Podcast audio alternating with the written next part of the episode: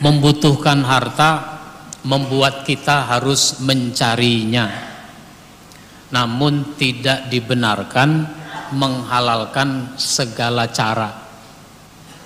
Seorang muslim harus mencari harta yang halal.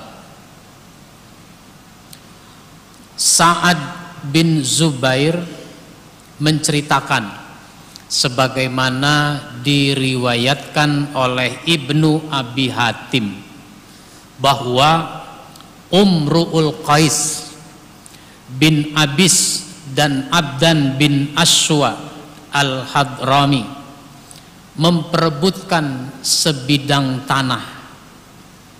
Jadi dua orang berselisih masing-masing mengklaim memiliki harta itu yaitu tanah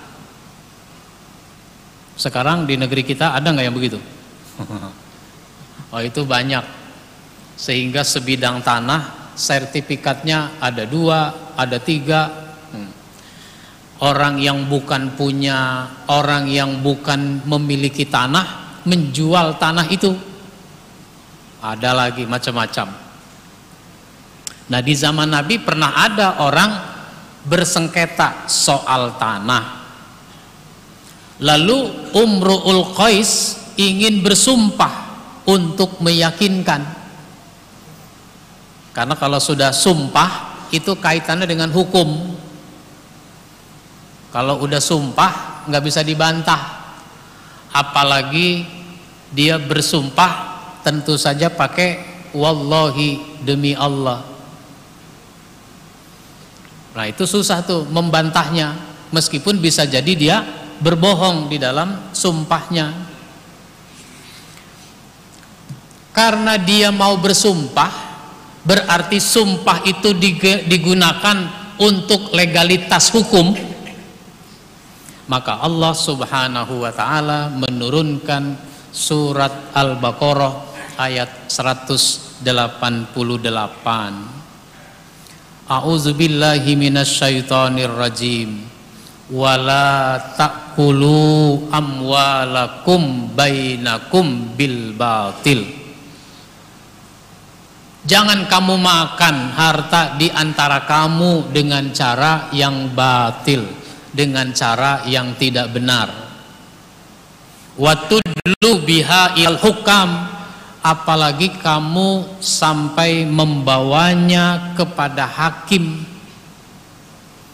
membawa urusan harta yang disengketakan itu kepada hakim, dibawa ke pengadilan Orang kalau ke pengadilan ternyata bukan mau cari keadilan tapi mau cari pembenaran. Kalau orang berani bersumpah pakai wallahi segala itu bukan buat keadilan tapi kadang-kadang ada orang buat pembenaran. Nah, orang ke pengadilan mau cari pembenaran. Apalagi hakim bisa disogok biar supaya memenangkan perkara dirinya. Bahkan pengacara itu juga nyogok hakim. Ada nggak pengacara nyogok hakim? Pengacaranya nyogok hakim atau hakim tidak bisa disogok tapi yang bisa disogok panitra. Apa itu panitra? Ah, pencatat keputusan hukum.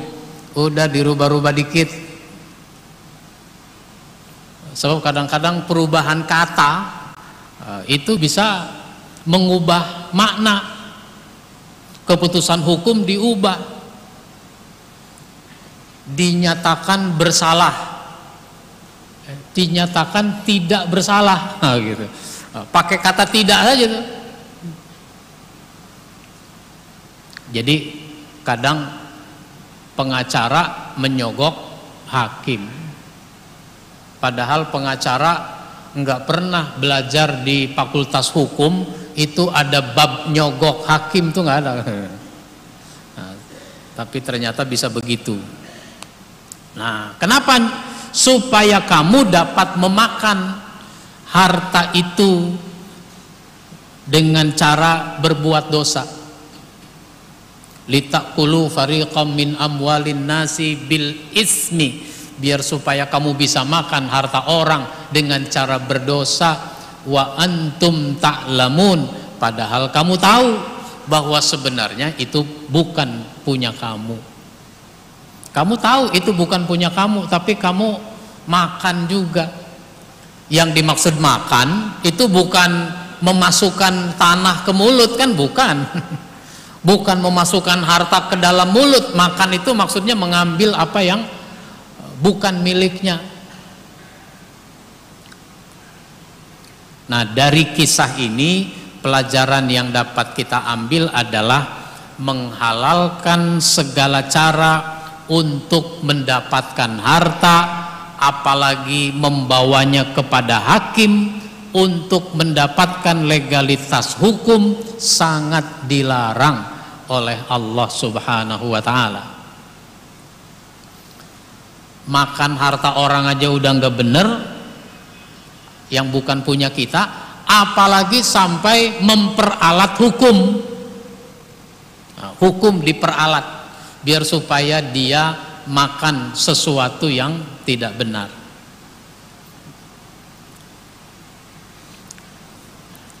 Sekarang ini banyak kasus orang bersengketa di pengadilan karena memperebutkan harta. Karenanya ke pengadilan itu ternyata bukan untuk mencari keadilan tetapi mencari pembenaran. Ini harus kita waspadai. Ah, habis orang-orang juga begitu, ya itu urusan orang-orang. Kita jangan ikut. Kenapa? Tanggung jawab ada pada masing-masing orang. Kita tidak boleh menyalahkan keadaan. Habis emang zamannya udah begitu. Nah, jangan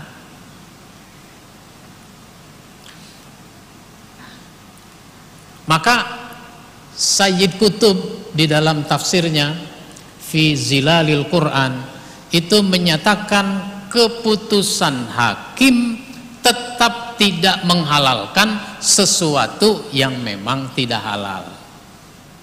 Sekalipun sudah diputuskan di pengadilan bahwa kita menang, maka kita tidak boleh merasa menang lalu kita mengambil harta itu padahal itu kita tahu bukan punya kita maka keputusan hakim tetap tidak menghalalkan sesuatu yang memang tidak halal.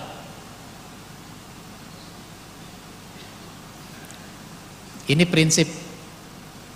Nah, karena banyak orang merasa sudah halal, sudah kuat, sudah inkrah, bahasa hukumnya gitu, sudah inkrah bahwa ini sudah punya saya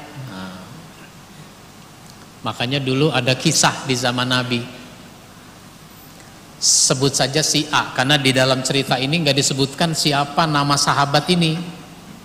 Si A beli tanah kepada si B. Sudah dibayar, lunas, selesai, maka sekarang tanah itu milik si A. Si A itu kemudian menggarap tanah itu katakanlah dicangkul, digali, lagi dicangkul, digali, ternyata ada kotak, ada kotak di dalam tanah itu. E, di dalam kotak itu ketika dibuka ternyata isinya emas. Maka si A bawa itu kotak ke rumah si B. Ketika dia datang tentu si B agak terkejut. Ya biasalah assalamualaikum dijawab silakan masuk. Ada apa? Saya kan udah beli tanah kepada kamu. Iya. Itu tanah saya gali ternyata di dalamnya ada kotak ini berarti ini punya kamu yang mungkin kamu lupa nyimpen harta di dalam tanah Apa kata si B? Itu tanah sudah saya jual. Apa yang ada di dalamnya saya tidak berhak lagi. Jadi itu punya kamu. Kata si A, saya tidak merasa beli beli emas.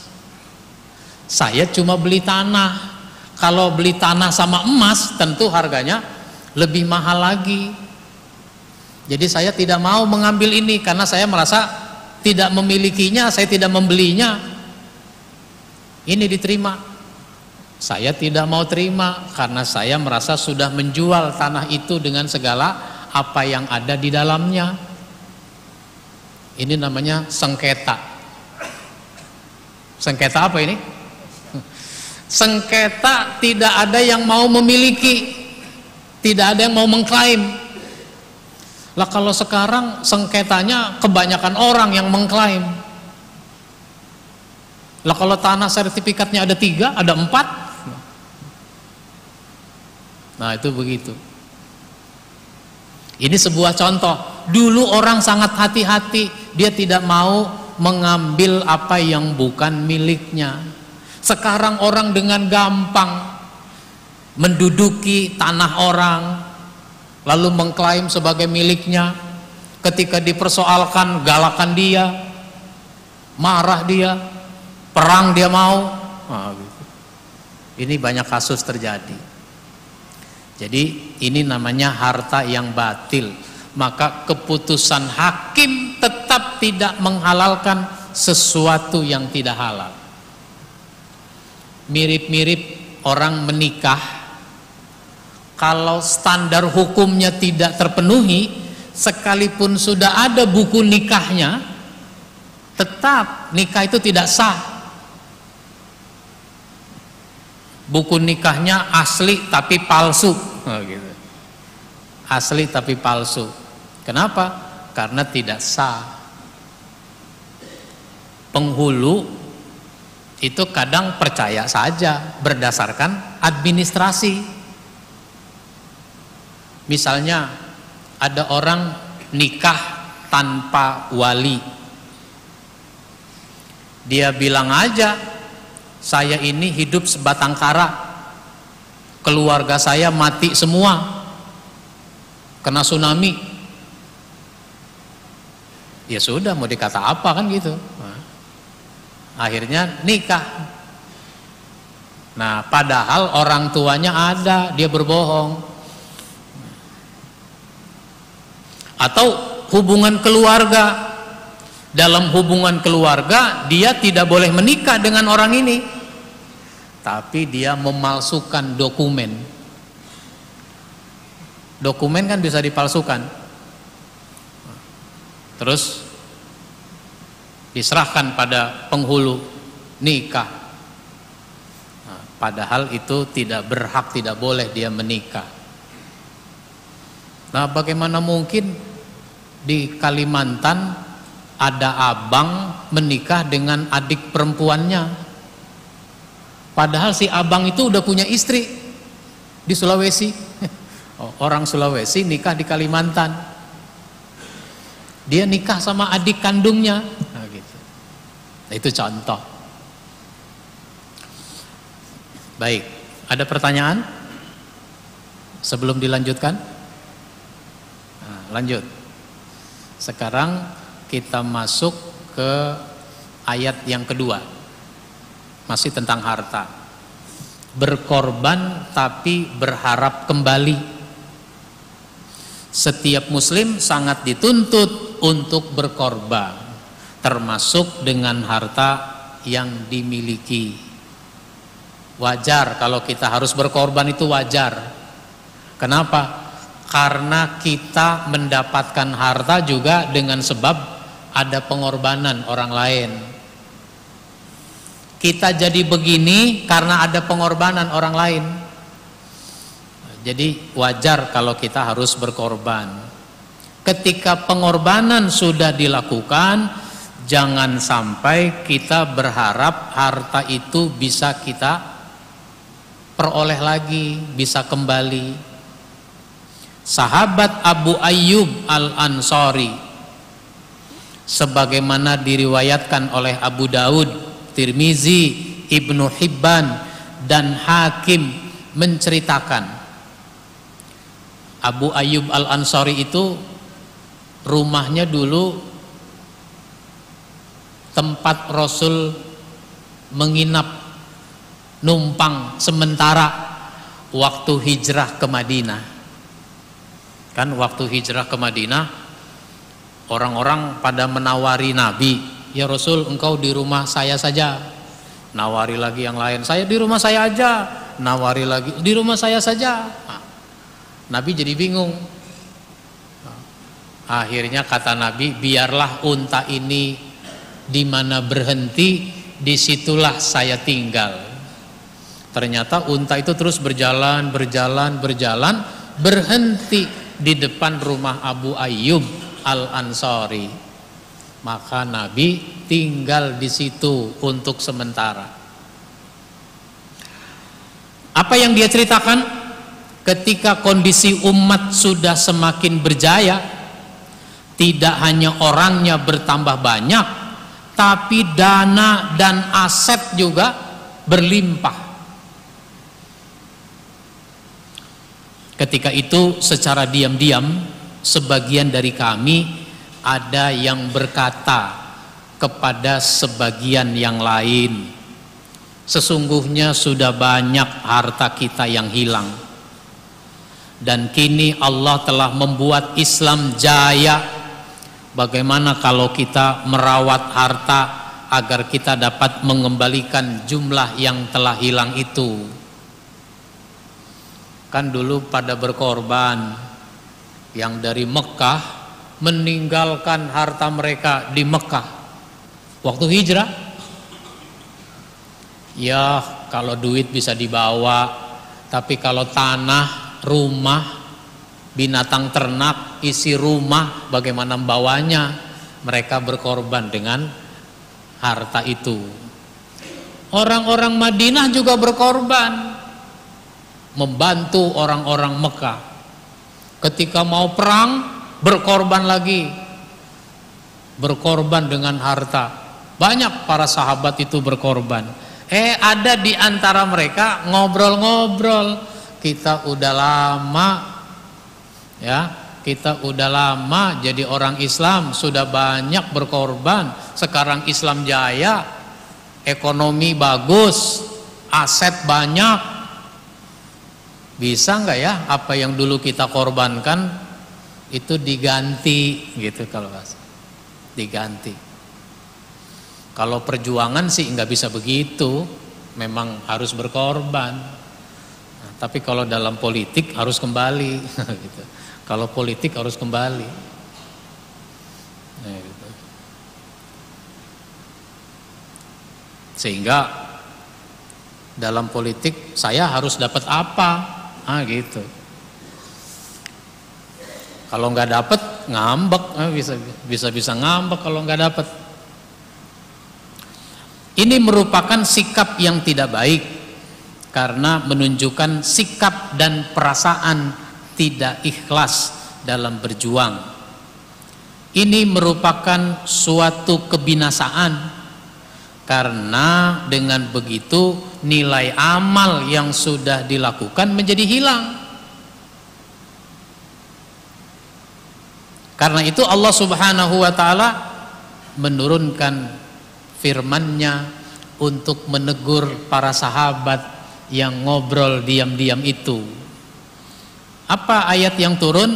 Surat Al-Baqarah ayat 195 wa anfiku fi sabilillah dan belanjakanlah harta bendamu di jalan Allah wala tulku bi aidikum ilat tahlukah dan janganlah kamu menjatuhkan dirimu sendiri ke dalam kebinasaan jangan menjatuhkan dirimu dalam kebinasaan itu namanya kamu udah berkorban tapi nggak dapat nilainya, nggak dapat pahalanya. Itu sama dengan menjatuhkan dirimu dalam kebinasaan. Berkorban begitu banyak tapi nggak ada pahalanya. rugi. Nah, gitu.